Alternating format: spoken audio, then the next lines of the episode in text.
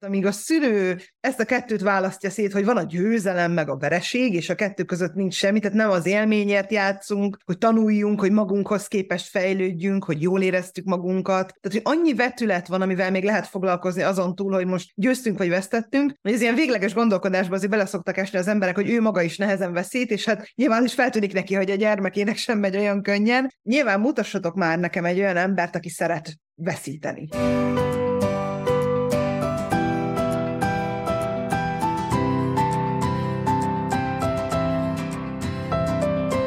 Sziasztok, köszöntünk neveteket az És Boldogan Éltek Podcast szeptemberi. Hát első mondanánk azt, hogy hagyományos felállású epizódjában, mert hogy nyáron ugye csináltuk a fesztivált, nagyon sok fesztiválra rögzített beszélgetéssel jelentkeztünk, vendégekkel egészültünk ki. Mindig itt volt velünk dr. Kárár Anna Mária, műsor állandó szakértője, aki már szintén itt van velünk. Szia Anna! Szia István, köszöntöm én is a hallgatóinkat. És hát azt mondtuk, hogy visszatérjünk a szeptemberi őszi kerékvágásba, de nem, mert hogy újra nem ketten beszélgetünk, hanem nagyon-nagyon örülünk neki, hogy vannak vendégeink, akik igazi expertjei lesznek a mai témának, amit kicsit messzebbről indítunk majd, egy régi 400 oldalas pszichológiai kötettől, ami véletlen került a kezembe, amikor készültem a mai adásra, aztán jutunk majd el a mába. Játék, közös játék, együttjáték, életfázisokban játékok és társas játék, és el is érkeztünk a hívószóhoz. Itt vannak velünk Győri Nádai Réka, illetve Győri Zoltán. Sziasztok! Sziasztok! Sziasztok! Sziasztok, köszönjük, hogy itt lehetünk. Sziasztok! Akiket ugye a Mit játszunk csatornákról ismeretünk. 2017-ben indult az ő vlogjuk a YouTube-on,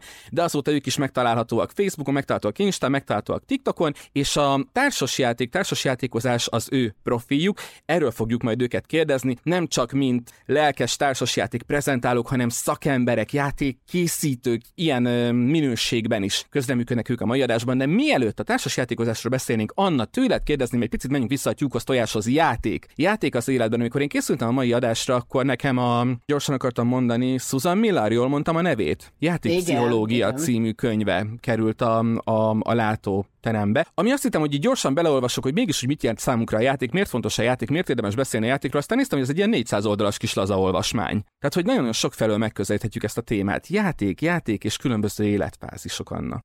És ezt most mindezt 5 percben szeretnéd, hogy elmondjam? Kettő és fél is lehet, mert ugye időkorlátunk van. Hát akkor nyúljunk vissza szerintem a Mérei és Biné játékelméletéhez, hiszen ők is nagyon jól megfogalmazták, hogy egyáltalán mi a játéknak a lényege hogy egyrészt egy örömforrás, egy funkciógyakorlás, mert hogy a gyerek úgy kezd játszani, ugye, hogy mozdulatokat, meg cselekvés sorokat kezd begyakorolni, tehát, hogy lényegében elkezd játszani az életet. Ez megy végig ugye a szimbolikus játékon, szerepjátékon keresztül, és ami szerintem az egész játéktevékenységnek a lényege, hogy ő már nem a kisgyerek, hanem belenő abba a szerepbe, amit megálmodott. Hát gondoljunk csak arra, amikor ugye orvosost, vagy akár anyukásat játszik, hogy ő nem úgy tesz, mintha játszana, hanem ő azonos a játék szereplővel. És ez egy nagyon-nagyon fontos dolog, mert ugye, hogy a mesénél mondtuk, hogy megteremtődik a kettős tudat, hogy fél lábbal a fantáziában van a gyerek, fél lábbal a realitásban, és van egy átmeneti tér, amit szintén a kötődéses részünkben beszéltünk át, hogy, hogy az anya, amikor leválik a gyerekéről, akkor egy végtelen játékteret hagy kettejük kapcsolatának emlékéül. Ezt Vinikotnak a megfogalmazása, ez szerintem ez a szívem csücske mondat, mert hogy szerintem ugyanide térünk aztán vissza felnőttként, ezért lesz mindig egy katartikus élmény a játék, hogyha visszatudunk helyezkedni egy kicsit ebbe a gyerekszerepbe, ebbe a mindent lehet, az én csinálom élménye, az én teremtem élménye, aminek nem feltétlenül úgy van célja, hogy én most a vizumotoros koordinációmat akarom fejleszteni, vagy a, a memória terjedelmemet, meg stb., hanem egyszerűen játszom, tehát hogy benne vagyok a játékban. Mikortól várunk igazából éretti arra, hogy mondjuk együtt is tudjunk játszani, mert úgy tudom, hogy Piásé ugye mondtad, hogy neked a szíved csücske, Piásét nagyon kell tudni a hallgatóidnak. Ő mondta azt, hogy talán ugye 7-8 éves kor az, amikor a gyerek együttműködően tud játszani. Hát, és látom, uh, látom, hogy közben Réka is nagyon bólogat, meg Zoli is, igen. Igen. A szabályjátékra érti Piaget azt, igen, hogy uh, 7 éves kortól tudjuk megérteni már a bonyolultabb társas szabályokat, de akár már óvodás korban is lehet látni, hogy a gyerek már képes, persze a frusztrációt kevésbé viseli, például az ilyen ember nem érgelő típusú játékoknál előfordulhat az, hogy leseperi a bábokat ugye a, a játéktérről, de már egy nagy óvodásnál például nagyon jól látszik az, hogy, hogy megjelenik ez a szabály, szabálytudat, a közös játék, ugye a, a közösen elfogadott szabályoknak a betartása, tehát, hogy nagyon-nagyon fontos, hogy mindig az életkornak megfelelő játékot tudjuk kiválasztani, mert szabályjátékból is van több fajta. Tehát a bonyolultabb játékokat, azokat persze kisiskoláskortól kezdve, de már az óvodások is nagyon jól tudnak együtt játszani. És Zoli is kapcsolódott volna, hogyha jól láttam a gondolathoz. Igen, a, a társas játék világ nagyjából két és fél, három, három és fél éves kortól targetál már gyerekekre. Nagyon ügyesen indítanak, elképesztően egyszerű szabályrendszerrel dolgozó, de főleg együttműködésen alapuló játékokkal. Ugyanis itt szerintem kulcsfogalom a játékokkal, a társas játékokkal kapcsolatban a bizalom, hogy lehet önbizalmam játszani, lehet társbizalmam és lehet játékbizalmam, és ez nagyon jól megalapozható egy kooperatív, azaz együtt, együttműködésen alapuló játékkal. Amikor a három évesnek élménye az, hogy nem csak a szabályok betartásában kooperálok a játékos társammal, eleinte a szülőmmel vagy a gondviselőmmel, akivel játszom, aki segít nekem keretben maradni, vagy, vagy a játék világában maradni, hanem a játékkal szemben is. Tehát, hogy kapunk egy feladványt, és együtt teljesítjük azt, azt a bizonyos feladványt. És fantasztikus látni, hogy a kis három és fél éves, középsős, nagyon szép szépen csatlakozik a játékhoz, a maga 8 kötővel 15 percében. Viszont az nagyon érdekes, és nyilván fenntartva azt, hogy minden gyerek más, és hogyha a három és fél éves gyerekünk még nem játszik játékokkal, vagy teljesen hidegen hagyja, akkor ne kezdjük el frusztrálni ezzel, hogy de igen is kell, de fenntartva azt, hogy egyébként olyan 7-8 pluszosak azok a társasjátékok, ugye társasjátékok dobozán rajta van általában az életkori ajánlás, amikre már azt mondjuk, hogy hát ha ő már 8 éves mondjuk, akkor valószínűleg már úgymond majdnem mindennel fog tudni játszani, ez a családi kategóriába esik, tehát ha egy játszatásra jön egy 8 éves, akkor nyilván itt is eltérőek azért, hogy mennyire ismeri a, a játékokat, vagy mennyire gyakorlott ebben, de alapvetően elé már oda lehet tenni egy könnyed családi játékos simán, tehát amit mondott Anna is, hogy a, az összetettebb szabályok megértése, az ebben a korban már simán megy, úgyhogy akár úgymond felnőtt kategóriába eső játékot is meg tud érteni egy 8 éves, hogyha az ilyen egyszerűbb nyilván. De ugye korábban beszélgettünk arról, már nem tudom melyik adásunkban, azt szokott teszteni, mondta, hogy melyik adásban volt, tehát egy másfél év után most már nehéz visszakeresni, de emlékszem, hogy beszéltünk arról, hogy ugye a gyereknek nagyon-nagyon sokáig ugye az impulzivitás kontrollal azért problémája van, tehát hogy ő az érzelmeit nem tudja úgy kontrollálni olyan tudatosan, mint ahogy mondjuk egy társasjátékban egy felnőtt játékos, vagy egy tőle, mondjuk egy 7-8 évestől idősebb játékos. Ugye szóval mennyire van fölkészülve, hogy mondta Szóli, egy két és fél három éves kortól már kaphatóak társasjátékok gyerekeknek, mennyire vagy hogyan készülnek a, a gyártók arra, hogy a, a gyerekek azért nem feltétlen fogadják úgy akár a veszt vesztés élményét, vagy a nem úgy sikerült, ahogy én akartam élményét, mint hogy mondjuk a felnőtt, hogy azt mondja, hogy hát jó, bocsánatot kérek, elpicsáztak, majd a következő Felnőttek sem fogadják azért mindig így. Én is ismerek olyat, aki, aki, aki sokkal rosszabbul bírja, mint egy 7 éves. Igen. De ugye erre, erre hogyan készülnek fel mondjuk a társasjátékok készítői? Rengeteg tesztel a játékkészítés 80%-a a teszt, a játék kipróbálása. Azért csinálunk prototípust, azért tervezünk, fejlesztünk, hogy azonnal kerüljünk olyan helyzetbe, ki tudjuk próbálni az adott játékot.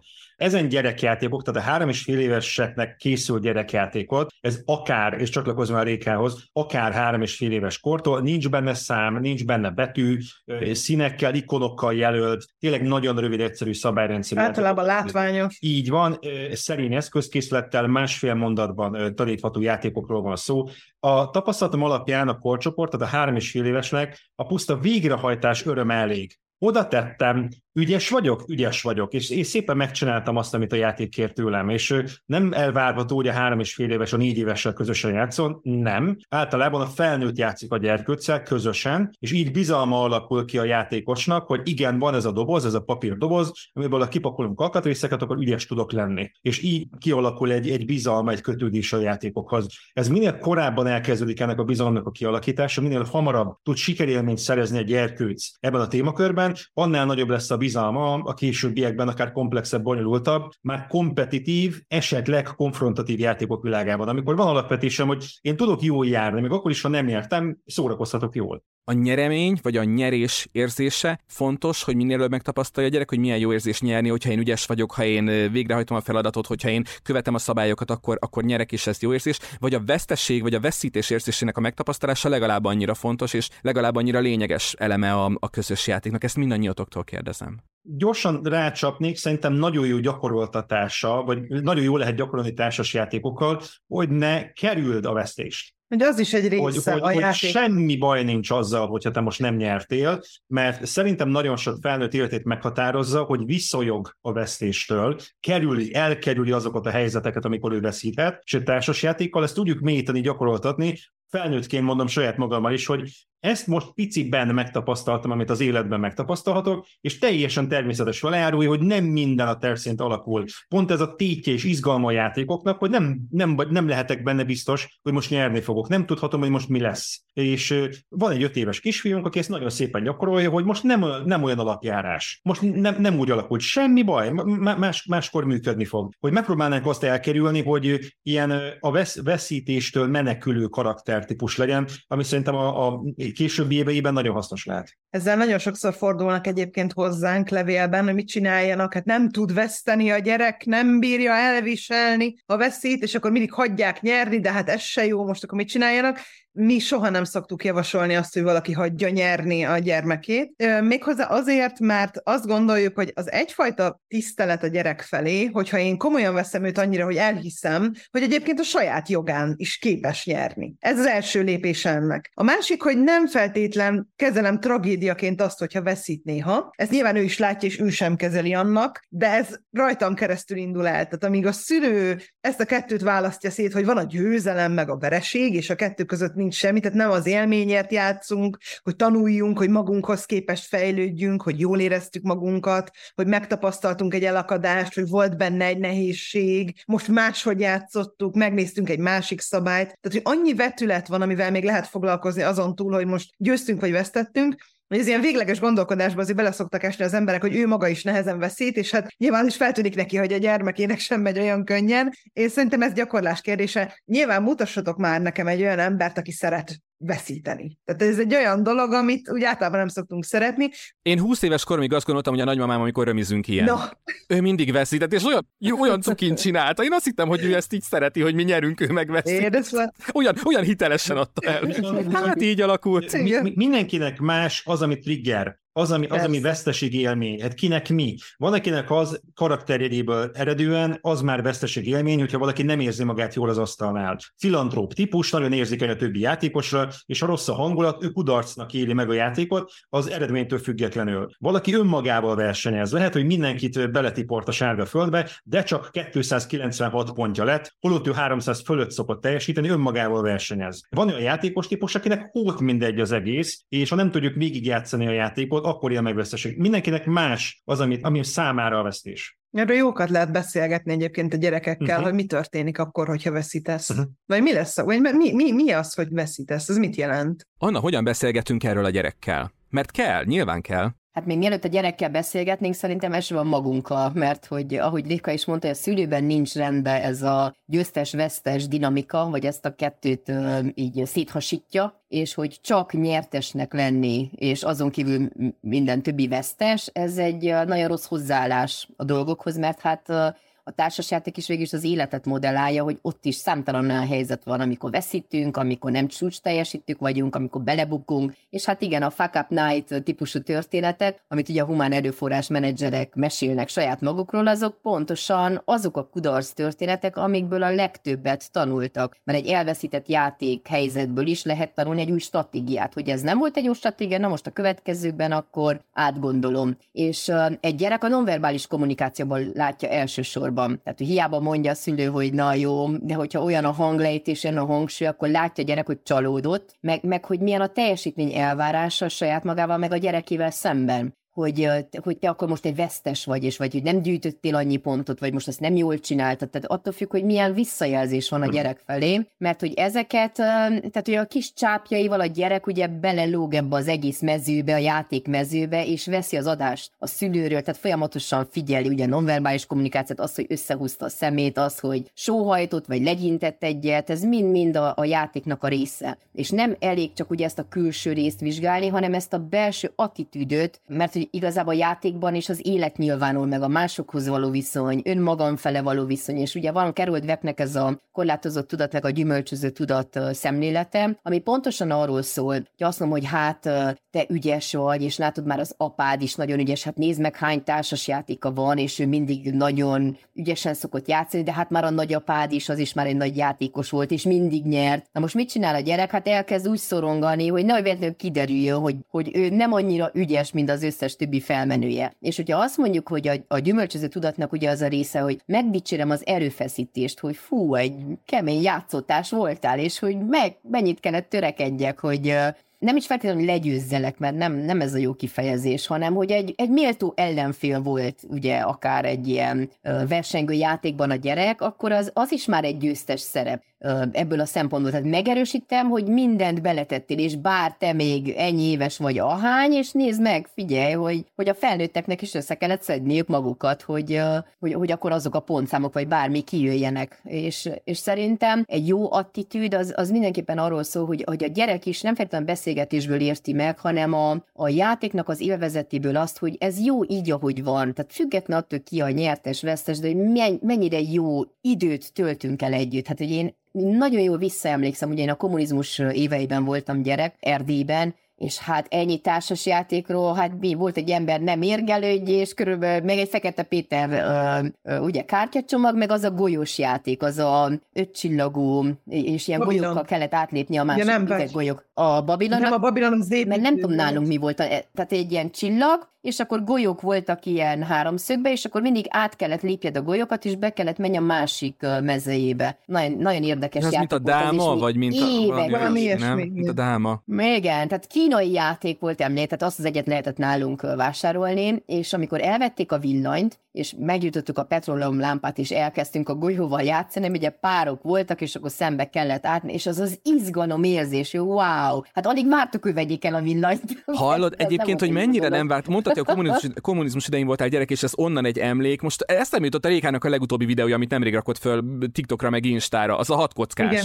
Hajó, kapitány, matrózok, legénység, legénység hajó, kapitány, legénység, legénység, legénység, hajó, kapitány, legénység. És hallod, eltelt nem tudom, pár év, ugye hölgyeknek nem firtatjuk a korát, azóta, amiről te beszéltél, és nézem ezt a videót, és ugyanolyan izgalommal vártam, hogy na mi, mi sül ki ebből, hogy ott van hat kocka, akkor kapitány, ha jó, oké, akkor ezt fölírom, akkor hogy azért nem akarom elszpoilerezni, hogy nézzék meg a csatornán a videót, de hogy igazából arra jöttem, hogy a mechanizmusa a dolognak nem változik, csak a kor változik körülöttünk, hogy ilyen alapmechanizmusok nem változnak. Miért is izgalmas ez? Mert hogy én olvastam egy, egy interjút Rékával és Szorival, és abban ők konkrétan azt mondták, most szeretném pontosan idézni, azt mondták, a mai modern társasjátékok már egészen más ligában játszanak, mint annó a Monopoly, a Hotel vagy az Uno. Ebben a megközelítésben mit jelentett ez a mondat? Sokkal tudatosabban figyel arra, hogy milyen reakciókat vált ki a játékosokban. Sokkal nagyobb a műveltség, sokkal nagyobb az érzékenység, sokkal nagyobb a szókincs. Leginkább a társasjáték készítést, fejlesztést a főzéshez tudnám hasonlítani. Új ízt nem nagyon találnak ki. Nagyon ritka, amikor egy új mechanizmus keletkezik. Előfordul egyébként, tehát az elmúlt tíz évben is találtunk többször olyat, hogy wow, e, e, eddig ilyen nem volt, de nem elsősorban ezt keresünk, hanem a meglévő ízek együttállásából alkotunk egy olyat, ami még nem volt. Tehát olyan arányokban történik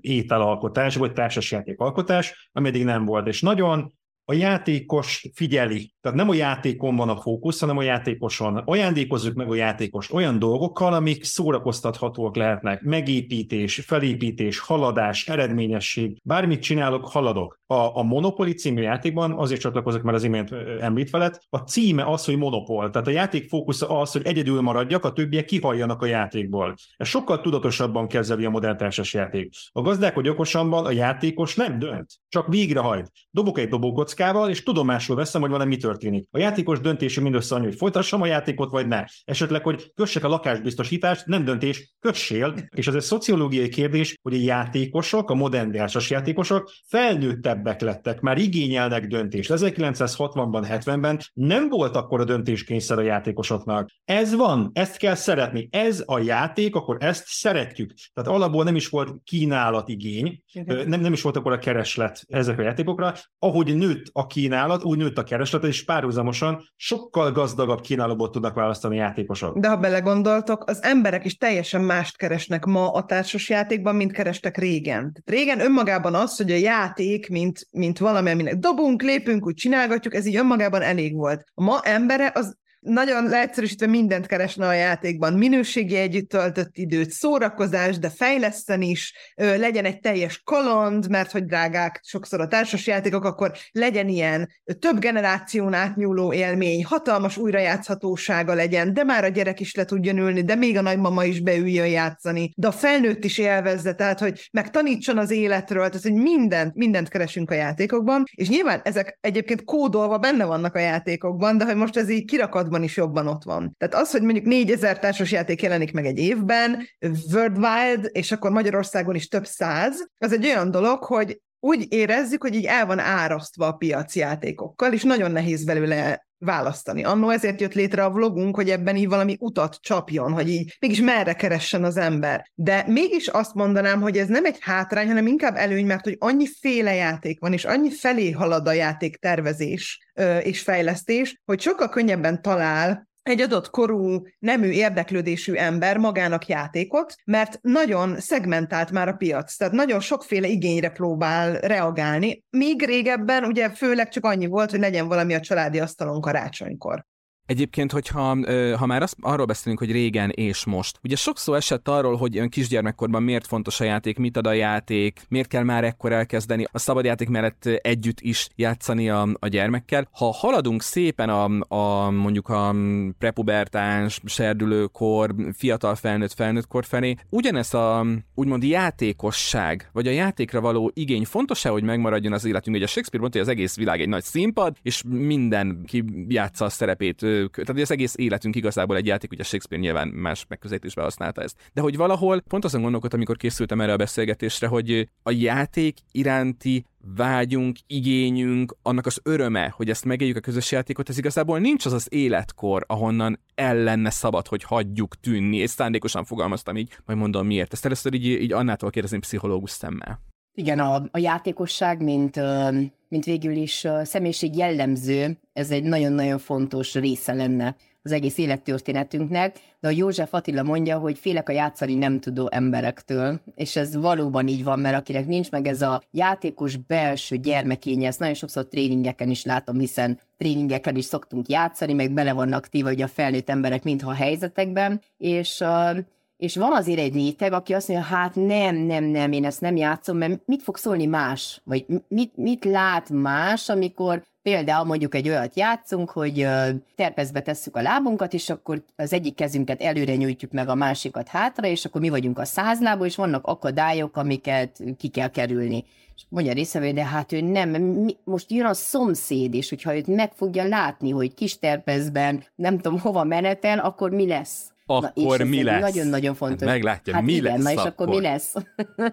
Mert ugye a játékhelyzet azért egyfajta átminősülést kíván. Tehát, hogy valahogy hogy leveszed ezt a nagyon komoly, és talán a kritikus felnőtt én részedet, és benne vagy egy olyan mintha helyzetben, amit te valósnak élsz meg. Mert hogyha ez az átlényegülés nem történik meg, akkor egy ilyen külső kritikus leszek, hogy na jó, akkor járjon le, na, csináljuk végig, hát végig is a gyerekeknek is struktúráljuk az időt, legalább addig nem nézik a tévét, meg nem kütyüznek, de ennek meg semmi értelme nem lesz így, mert pont a lelke, a tevékenység lelke fog kimaradni. A megállapításom az, hogy az észrevételem, hogy erős állítás lesz, lehet vele vitatkozni, direkt szánom provokatívnak, minden ember játékos. Pont minden ember életében, ha akarja, hanem ott van a játék, viszont az emberek már sokkal kisebb része vallja be magának, hogy az, amit ő csinál, az játék. Sokkal kevesebben engedik Igen. meg maguknak azt a gondolatot, hogy amit ő egyébként csinál, játszik el a gondolattal, dúdolgat, applikációt használ. veszi fel valamilyen módon a papucsát, kacsingat a szomszéd felé, ez mind-mind-mind játék. Ez egy sokkal nagyobb univerzum, mint elsőre el tudnánk képzelni.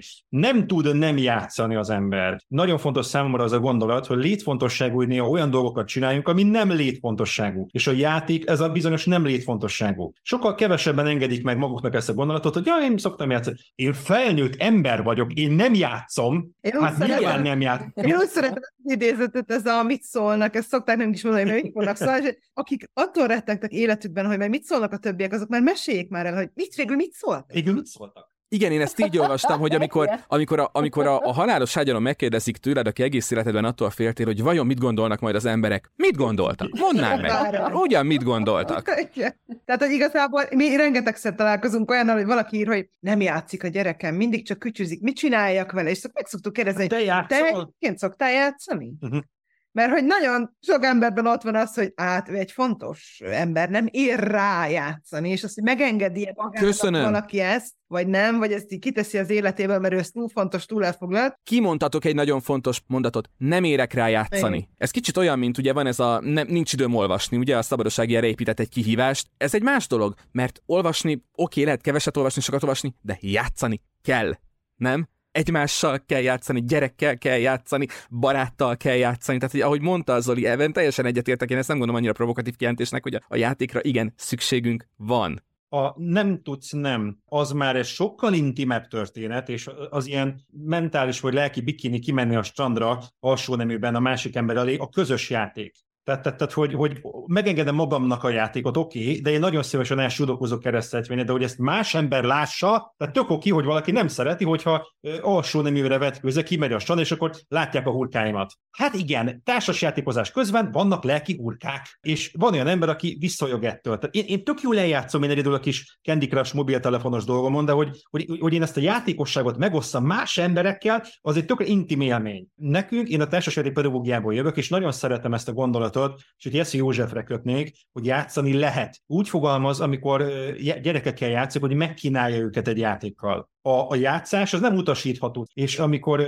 én is leülök a kisommal játszani, akkor megkínálom őt egy játékkal, és hogyha nem akar játszani, akkor nem tud megszületni. Tehát ne, ne, nem lehet az, hogy ízlien neked az étel. Vagy ízlik, vagy nem ízlik. És, és, és ennek mentén megy a pedagógia, és ennek mentén szoktam én is tréningeken megkínálni a résztvevőket egy gyakorlattal, és most tudatosan nem játékszót használtam, mert nekem a gyakorlat az egy nyakkendős játék. Eszembe jutott, talán Zoli mondta, az ó igen, játék kapcsán, hogy, hogy az is egy fontos cél már, mert ugye az nem hangzott el a beszélgetésünk elején, de majd le lesz szépen írva a műsor leírásában, meg be lesz linkelve, tehát részletesen utána tudtuk majd olvasni Zolinak, illetve Rékának, illetve az munkásságuknak, hogy ők nem csak játékmesterek, hát Zoli például tervező, játék tervező is, tehát ők nagyon-nagyon makroszinten ismerik ezeknek a játékoknak a világát, tehát az Oigen kapcsán hangzott az el, ha jól emlékszem egy interjúban, hogy cél is az már a játék összeállításakor, hogy a játékon keresztül ismerje meg jobban önmagát is a játékos. Tehát nem csak a reziliencia, nem csak a megküzdőkések, hanem az önismeretet is. Tehát amikor egy, ezek a modern játékok készülnek, mert az önismeret fejlesztésére is fókuszálnak, ami baromi fontos. Teszem, a 21. századnak ez egy nagyon fontos hívószava, nem? Tehát végre elkezdtünk ezzel úgy, úgy igazán foglalkozni. Ugye annával erről már sokszor beszéltünk erről az önismeret dologról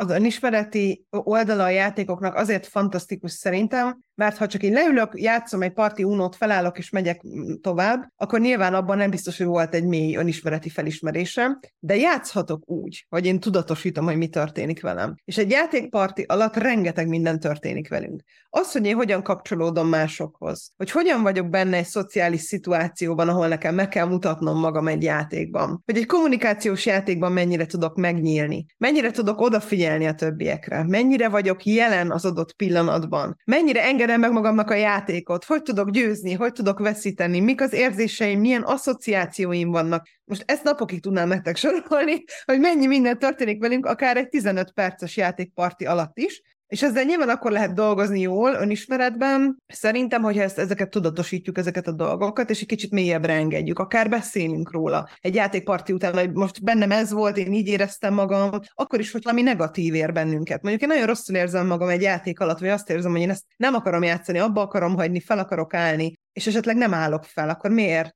Vagy ha felállok, akkor miért? És utána egy kicsit beszélgetni erről, hogyha egy olyan biztonságos környezetben érzem magam, ahol ezt megtehetem. Tehát mi, mi sokat foglalkozunk azzal, hogy a játékok milyen sokat adhatnak önismereti oldalról nekünk, és egyébként a kommunikációs játékok, és így Zolinak is ez az igen sorozata, aminek az ó igen a része, ez kifejezetten erre épül, így, ahogy mondod te is István, hogy az óigennel például azt a fajta párbeszédet és azt a fajta önmagunkról és másokról való gondolkodást szerettük volna beindítani, ami mondjuk az erotikával, a szexel, az intimitással kapcsolatos, mert bár ma már nem akkora tabu, mint régen, vagy máshogy tabu ez a téma, de valójában az, az a fajta őszinte, bevallás, megismerés, kíváncsiság, ami az emberekben van, az játékos formában még nem jelent meg annyira intelligensen a társas játékokban. Mert vagy van az ivós kategória, ez a uh, ivós játékos kategória, vagy van az oktatói kategória, és a kettő között, amikor csak így, mint emberek szeretnénk erről a témáról beszélgetni. Az annyira nem jelent meg, ott ez volt az inspiráció, de igen, játéktervezőként, és erről Zoli tud nyilván mélyebben beszélni, ezek a belső motivátorok, hogy mit szeretnénk, hogy a játékos érezzen, vagy gondoljon, ezek nagyon fontosak nagyon sok minden lehet cél. Alapvetően kétféleképpen dolgozom játéktervezőként, vagy egy belső ötlet kerül végül kiadásra, de dolgozom megrendelésre is, amikor kívülről jön az input, és kapok egy kérdést, hogy például a Matrix Szeretes Szolgálat hogy folytatott című játéka is megrendelésre készült, ott az apa-anya-pia programhoz készült társasjáték, amiben addikcióval, általában alkoholizmussal küzdő szülők gyerekeinek készült egy, egy, egy beszélgetős program, de a HAM-HAM ott a Sportos Cukros Egyesületnek a cukorbetegséggel kapcsolatban történt érzékenyítő társasjáték. Nagyon sok minden lehet cél. Az önismeret az egy minden játéknak hozadéka, még a játéknak is lehet hozadéka az önismeret, hogyha valaki erre fogékony, ha valaki kíváncsi. Tehát szerintem az önismeret az egy életforma, az, az egy világszemlélet, ahol, ahol nagyon fontos tényező, hogy magamat is vizsgálom. Mindig eszembe jut, amikor meghallom ezt a szót, hogy önismeret, Popper Péter, rengeteg előadását hallgattam, és mondta, hogy nagyon divatos mostanában ez az önismeret. És mi van, ha nem fog tetszeni, amit találsz? és, és rengetegszer hallom meg játékosoknak az ön minősítő gondolatát, hogy új, én borzasztó játékos vagyok. Én olyan gonosz vagyok olyankor. És rögtön minősítik a saját játékosságukat, és én ezt kártékonnak tartom, mert hasznos elfogadni, olyan játékos vagyok, amilyen. Ha vannak játékok, amikben lehetőségem van valamit csinálni, akkor én azt megcsinálom. Ha nincs, akkor nem. De ne haragudj magadra azért, amilyen vagy. Szerintem a helyes játékválasztás nagyon fontos, hogy vannak játékok, amiben nem lehet valamit csinálni, és vannak játékok, amiben lehet. Ha sakkozol, akkor ne haragudj a másik játékosra, másik játékosra, ha támad. Neked nyugodtan áll nem sakkozni. És nekem játékmesterként, és nekünk Rékával bizonyos szempontból ez a szakmánk, hogy ajánlunk játékot, elmondjuk a játékokról, hogy vigyázz, ez csíp, rug, mar, harap. Ez viszont nagyon békés, kifejezetten kipályázott családi társasjáték, és ennek megfelelően választhat az érdeklődő, a játékos, hogy én ezt szeretném magammal csinálni, és szeretem a csípős ételeket, vagy én kifejezetten szeretem, hogy a kézen fogvan sétálgatunk a parkban. Mindegyik abszolút valid és érvényes. Hogyha már volt egy ilyen könyves párhuzamunk, ugye nincs időm olvasni, nincs időm játszani párhuzamunk, akkor hadd legyen még egy párhuzam itt a vége felé. Ugye szintén az Áginak volt egy ilyen sorozat, hogy mutasd a könyves polcod, megmondom, ki vagy, hogy valamilyen hasonló, tehát mutasd a könyves polcod, és akkor az alapján beszélgetett emberekkel. Mindannyiatoktól kérdezném, megnézem a játékaidat, megmondom, ki vagy? A játékaid árulkodnak arról, hogy ki vagy, milyen vagy? Szerintem sokat elmond, hogy milyen típusú játékokat szeret valaki, de azért ez attól is függ, hogy mennyire ássa magát mélyre ebben a témában, mert rengetegszer van az, hogy valaki nagyon szeret játszani, de nyilván nem várható el egy, egy, egy embertől, hogy most csak azért, mert ő benne van egy játékos kedv, azért kiokítsa magát a modern társas játékokból, mert hát ez egy hatalmas ö, hobbi és szakma is mára. És ugyanígy ö, van ez szerintem fordítva is, hogy sokszor, amikor bemegyek valakihez, és azt látom, hogy néhány játéka van, de azt mondjuk rongyosra játsza, és nagyon nagyon szereti, akkor én láthatom rajta, hogy benne a játék szeretet ott buzog, mm. és tudom mondani, hogy egyébként próbált ki ezt meg azt, és utána második alkalommal, amikor megyek hozzá, láthatom, hogy hogy bővült a polca, merre fejlődött az érdeklődési körön. Mi is azért finomodott az, ahogyan most játszunk, ahogy mára, nem tudom, így lassan tíz év után nyúlunk egy játékhoz, amilyen játékokat előveszünk, mint az, ahogyan elkezdtük mondjuk ezt a hobbit. Tehát szerintem az emberekben az önismeretük által épül egyfajta gondolkodás, fejlődés is a játékokkal kapcsolatban. Eleinte egy nagy kíváncsiság, egy nagy nyitottság van, hogy fú, ennyi minden van, mindent ki akarok próbálni, beszerzem, megszerzem ö, otthonra, és utána ez szépen lecsillapodik, és olyan, mint, ö, mint a víz, ahogy így leülepedik, így kitisztul, hogy mi az, ami, ami neked való. És ebben vannak csalódások is, amikor azt mondom, hogy ú, ez a játék de rossz volt. Ez nagyon, ez nagyon nem az én játékom. Nyilván nem a játék akartam mondani, rossz. egy könyvet félreteltek 30 oda után, 100 oda után nem tetszik egy játékkal, megteltem ugyanezt? Nekem ez nem tetszik. Persze. Eljutottam feléig, nekem ez nem. Mi ezért is tartunk rendezvényeket. Ez rendben ki lehessen próbálni, és mondjuk azt mondta, hogy azért nem kell otthonra feltétlen megvenned azonnal, hogy tud, hogy ez tetszik vagy nem tetszik, kipróbálod, vagy vannak már kölcsönzési lehetőségek, társas játékos kávézók, mindenféle,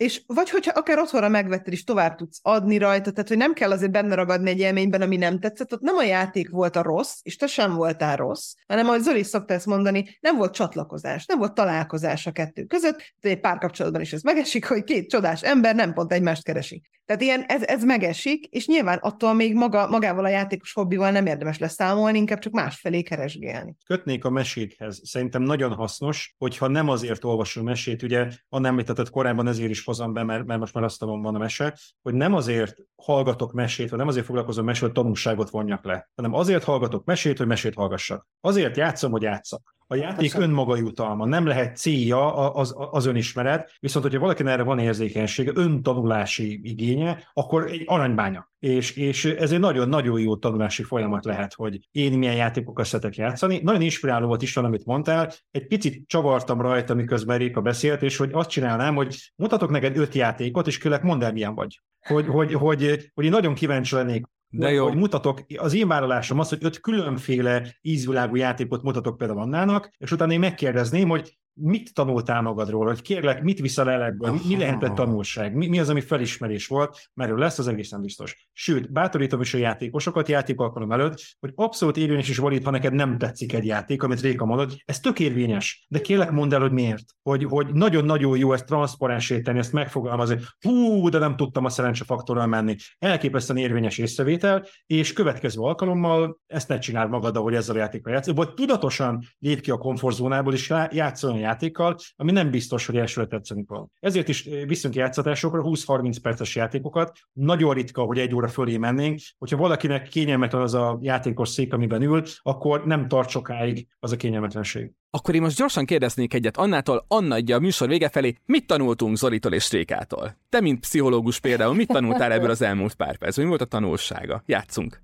Hát pont ebben való megerősítés, hogy amit én is mindig nagyon kihangsúlyozok, és általában ilyen kerek szemekkel néznek rám, hogy ez a, a játéknak nincs célja, vagy nem úgy az a célja, amire úgy egyből gondolnánk, hogy az a célja, hanem számos melléktermék idézőjelesen van a játékból, ami, aminek része lett az önismeret, a konfliktuskezelés, a mm, önmagamhoz való kapcsolódás, másokhoz való kapcsolódás, probléma megoldás, tehát ezek mind járulékos dolgok, de hogy a játék az egy örömforrás önmagában. És ugyanúgy, mint ahogy a mesénél nincs tanulság, a játéknál sincs ilyen, hogy na, akkor most konkrétan ezért alkalmazzuk mindegy gyógyszert, hogy na hát akkor ezt akarod, akkor tessék, itt van ez a játék, hanem hogy, hogy az örömért, tehát hogy önmagában az öröm miért játszunk. Ez ugyanúgy, mint Charlie Toddot, amikor ugye híres improvizációs művésznek kérdezték, hogy, hogy a gatyátlan metró utazás világnapját, amikor megszervez, tehát hogy a világnapja, amiből indult, ugye ez a flashmob, meg amikor ugye unalmas, várakozó embereknek szervez olyan flashmobokat, hogy akkor a, kiállnak ugye egy, egy ilyen nagy áruháznak a, a, az ablakába az emberek, és tornamutatványokat végeznek, és akkor mindenki kérdezi, de hát ezeket miért csinálja? És akkor pont ez a válasz, hogy a játéknak nincs célja egyszerűen az örömért, az együttjátszásére, tehát azért, hogy, hogy végig is ön, önmagunk tudjunk lenni. Tehát, hogy ez az, ami üzenet ugye megerősödött bennem, és örülök, hogy, hogy ezt is így látjátok. Még volt egy nagyon szép félmondat, amit szintén készülés közben olvastam Zoliéktól, ez pedig ez a gátak helyett hidakat építenek az emberek között a jó társas játékok. És szerintem ez egy ilyen nagyon szép íve is, vagy lezáró íve is ennek a beszélgetésnek, amiben nagyon-nagyon szépen köszönjük még egyszer a Mit játszunk csapatának, nagyon-nagyon szépen köszönjük Győri Nádai Rékának, illetve Győri Szolinak, hogy itt voltak velünk. Remélem, hogy lesz még folytatás mert én nekem még millió kérdésem lenne egyébként Jaj, a, a társasjáték, a játékok világával kapcsolatban. Hogyha Köszönjük. nyitottak vagytok rá. Nagyon boldogan folytassuk, és köszönjük, hogy itt lehettünk. És boldogan? És boldogan.